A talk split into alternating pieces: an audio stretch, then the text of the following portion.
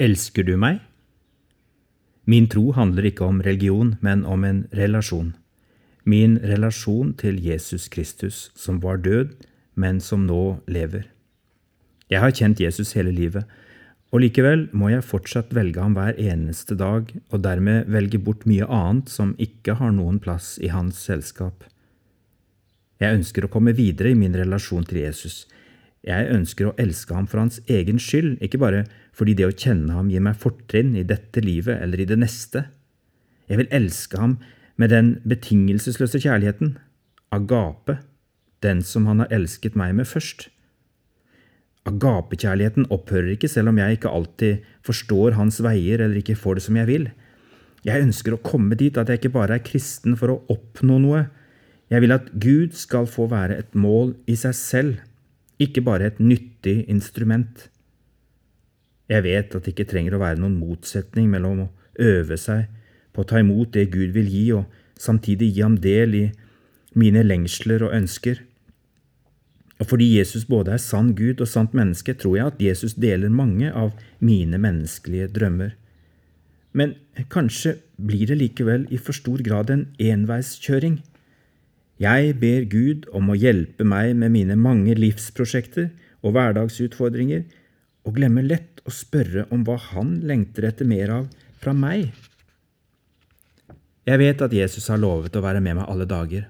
Han følger etter meg der jeg går, han elsker meg uansett hva jeg gjør, selv om han ikke liker alt. Er det nå tid for i større grad å følge etter ham der han går? Jeg kommer til å gjøre utallige feilsteg, sannsynligvis hver dag. Likevel gjør jeg det til mitt verdivalg å elske ham mer enn alt og alle andre.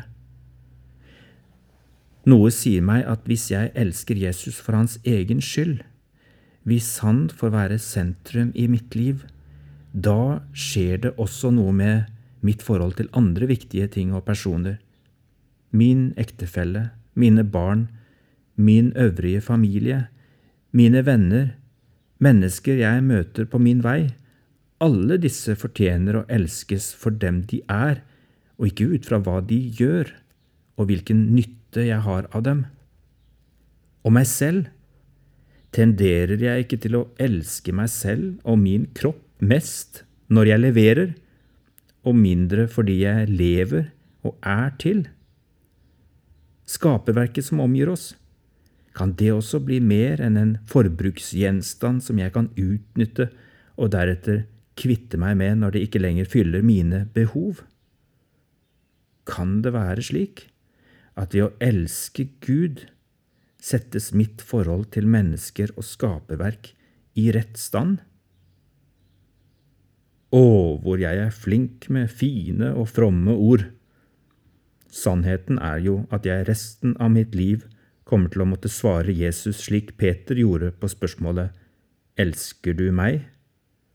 Jeg må svare Herre, du vet alt. Du vet at jeg har deg kjær. Herre, du vet at jeg har sviktet og kommer til å gjøre det på nytt.